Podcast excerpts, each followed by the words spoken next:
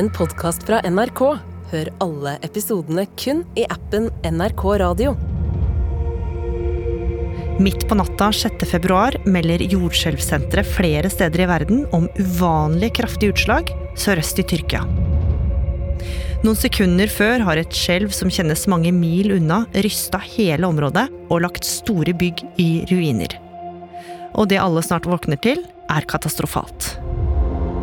Et stort antall personer har dött i Turkiet og norra Syrien efter kraftiga jordskalv i Turkiet i natt. Skjelvet hadde en styrke på 7,8, og folk i Libanon, Syria, Kypros og Israel kunne også merke skjelvet. Hundreds of buildings have been destroyed by the earthquake, and rescue workers are searching through piles of collapsed concrete and twisted metal.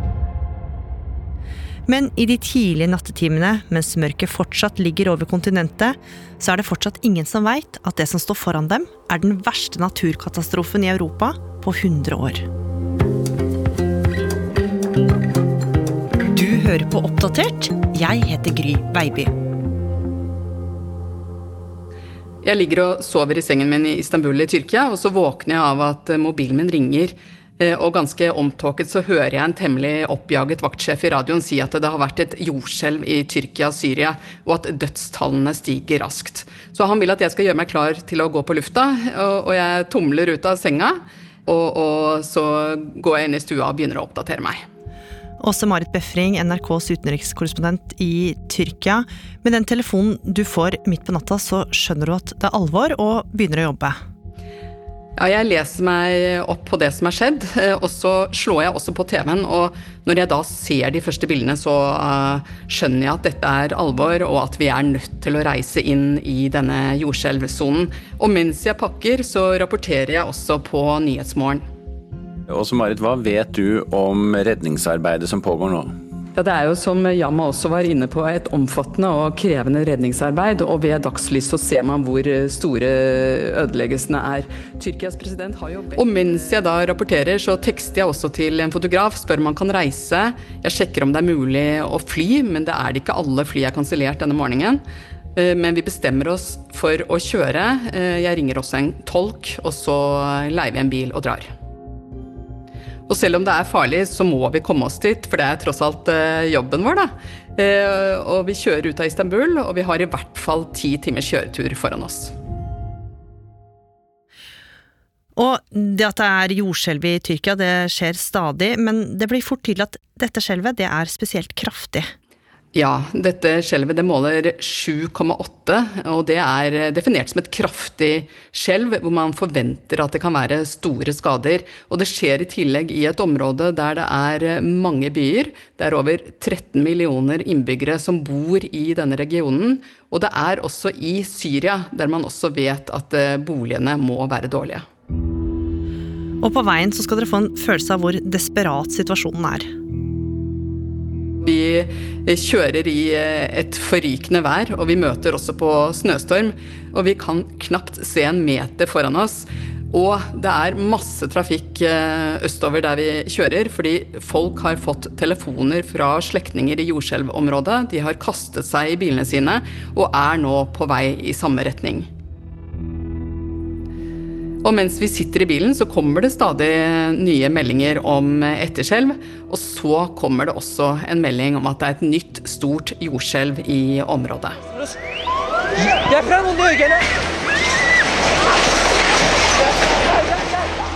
Det har vært et kraftig etterskjelv i Tyrkia og Syria. Ifølge nyhetsbyrået Reuters hadde det nye skjelvet en styrke på 7,5. Det er særlig det sentrale Tyrkia som er hardt rammet, men også Damaskus, hovedstaden i Syria. Dette er det hittil sterkeste etterskjelvet etter jordskjelvet på 7,8, som rammet Tyrkia og Syria i natt. Etter tolv timer på veien så kommer dere endelig fram til utkanten av det jordskjelvramma området, og der tar dere inn på et hotell. Og grytidlig morgen etter så setter dere kursen mot Hatay, som er en grenseby mot Syria, og som er hardt ramma. Og på veien dit så skal dere få se de voldsomme ødeleggelsene med egne øyne. Vi stopper da i eh, en by som heter Osmania, eh, som ligger på veien til eh, Hatay. Og der er gatene oversvømt. Det brenner flere steder, også i havneområdet der en container har tatt fyr. Svart røyk velter opp og legger seg som et teppe over hele byen. Folk står og roper inn i ruinhaugene av betong, der man ser sammenklemte madrasser. De ringer med mobilene sine for å prøve å få kontakt med de som de kjenner som ligger i disse massene. Eh, og da ser vi også en mann som plutselig går bak haugen der eh, soverommene pleide å være, og så roper han på naboene. Like etter så kommer de bærende på en død person som viser seg å være kona hans. Og så går mannen opp igjen og begynner å lete etter de to barna.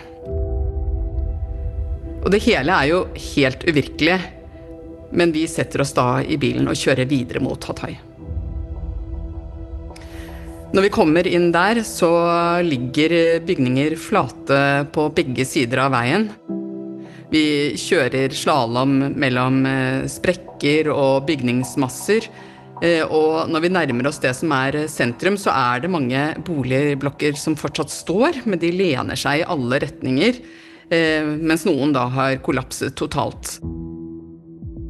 Så vi eh, parkerer der vi tror det kan være trygt, og så går vi ut. Og bortover fortauet der så ligger det pledd etter pledd, og under hvert pledd så ligger det én død person. For i denne situasjonen så har de konsentrert alt arbeidet om å redde de levende. De kan ikke bruke tid på å få de døde bort. Men midt i kaoset så er det også små glimt av håp. Ja, for plutselig så kommer det noen soldater bærende på et uh, pledd. Og først da de legger det ned, så ser jeg at det er en gutt som lever. To blå øyne under en sort lugg uh, titter vettskremt rundt seg. Og det står også to andre gutter der på 17-18 år. De forteller at de har gravd ut vennen sin med bare hendene, uh, og, og lyktes med det til slutt. Men guttens ben, de er helt blå. Eh, og etter en liten stund så kommer det en sykebil, tar han med seg, og så vet ikke jeg hva som skjedde. Ve binlerce insan var şu anda bu enkazların altında. Abi sabahtan beri kimse yok ya. Hiç kimse yok ya. Kimsesiz basılmış duruma ya. Bak almış duruma bak ya. Bu devlet baba nerede? İki gündür nerede? İki gündür o da yalvarıyoruz, yakarız. Hep biz... Hele tiden så er det veldig mange som kommer bort til oss og ønsker å fortelle om sin situasjon. De vil fortelle om søstre, barn, koner og menn som befinner seg inne i bygningsmassene. Eh, og de er jo i en helt fortvilet situasjon. Mange forteller at de har hørt lyder innenfra bygningsmassene tidligere, men at det nå er det stille, og ennå har ikke redningsmannskapet kommet. Først senere forstår jeg at eh, mange kontakter oss også fordi at de ønsker å gi en beskjed ut til folk de kjenner Eh, om at de trenger hjelp. Fordi nettet her er nede, så vi er på en måte eneste kanal ut. Men dere skal ikke bli i Hatay lenge, for nå setter dere kursen i retning episenteret og en av de byene som er hardest ramma, nemlig en by som er kjent som Marash.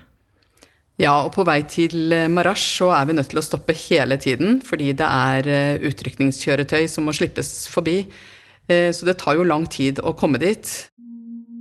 Det har blitt kveld, det har blitt mørkt. Og overalt så ser vi opplyste plasser der eh, redningsarbeidere fortsetter å grave etter overlevende i disse enorme bygningsmassene. Gatene er fulle av folk. De står og varmer seg rundt eh, bålpanner. Eh, og det er en kald natt de går i møte. Det skal bli minus seks grader. Og de må oppholde seg ute, for det er ingen bygninger der som er trygge, og det er ennå ikke kommet inn nok telt. Og nå begynner omfanget av katastrofen å tegne seg. Ja, for da jeg reiste fra Istanbul eh, dagen før, så var det 126 døde.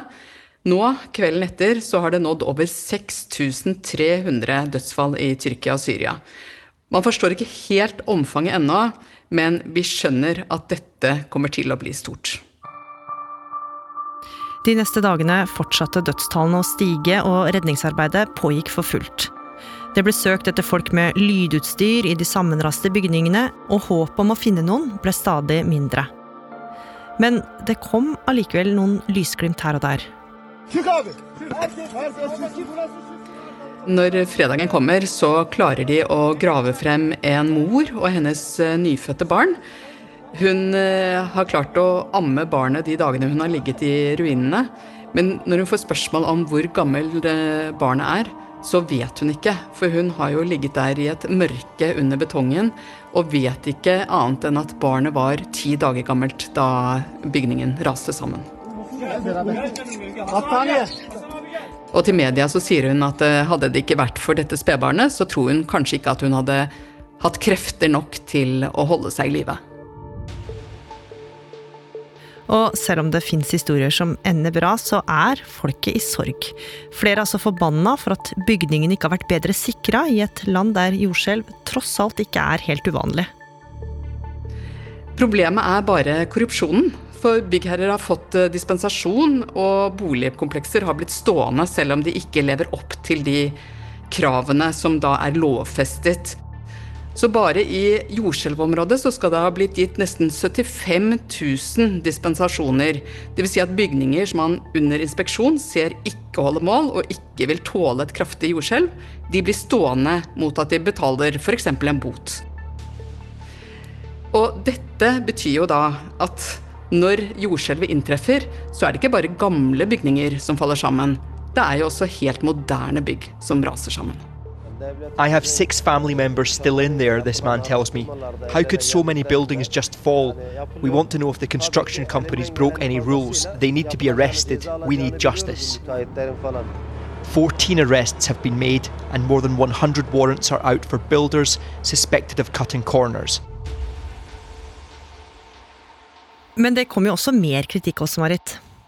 Ja, fra første stund så er det jo en massiv kritikk fra personer som venter på at redningsarbeidet skal komme ordentlig i gang. De føler det tar for lang tid.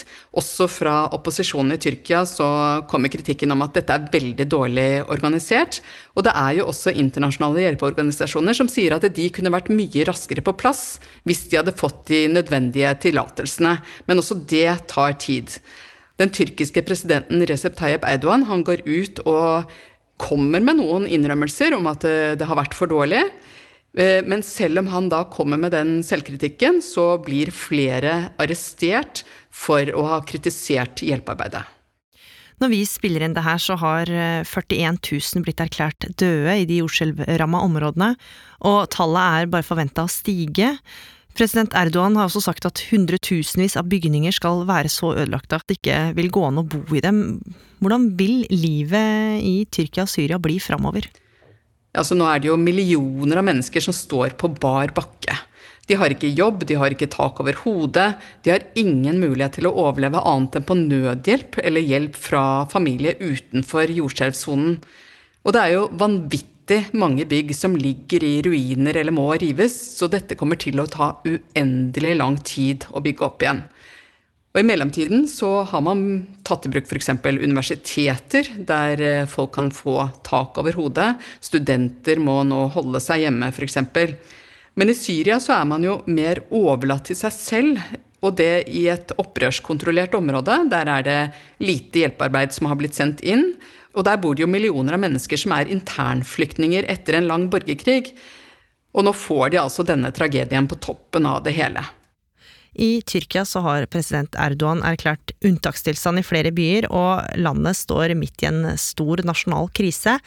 I mai er det valg. Hvordan vil alt det som skjer nå påvirke Tyrkia framover?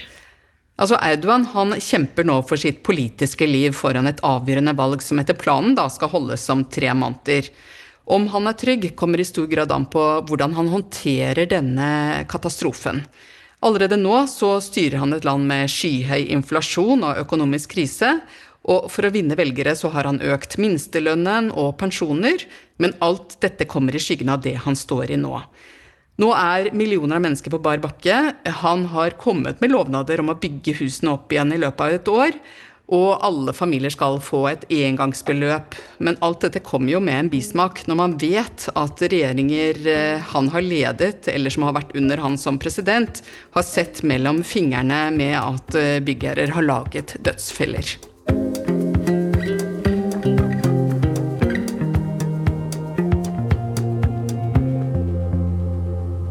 Oppdatert er en podkast fra NRK Nyheter, og denne episoden den er laga av oss. Produsent Kaja Kirsebom.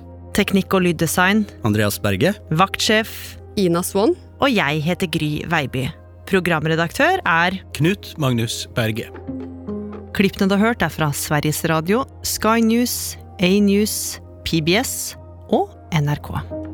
Har du tips eller innspill, så må du gjerne sende oss en e-post. Adressen er oppdatert krøllalfa nrk.no. I det lange løp er tilbake i vinterdrakt. Jeg, Jan Post, og min makker Christian Ulriksen vil hjelpe deg å komme i form med gode råd fra løpere, vintersportsutøvere og eksperter på utholdenhetstrening. Hardt arbeid slår talent ti av ti ganger i, i det lange løp. Sånn er det bare. Du ser et annet stimuli på hjertet og på muskulaturen din. Hun er en av de beste gjennom alle tider! I det lange løp hører du kun i appen NRK Radio.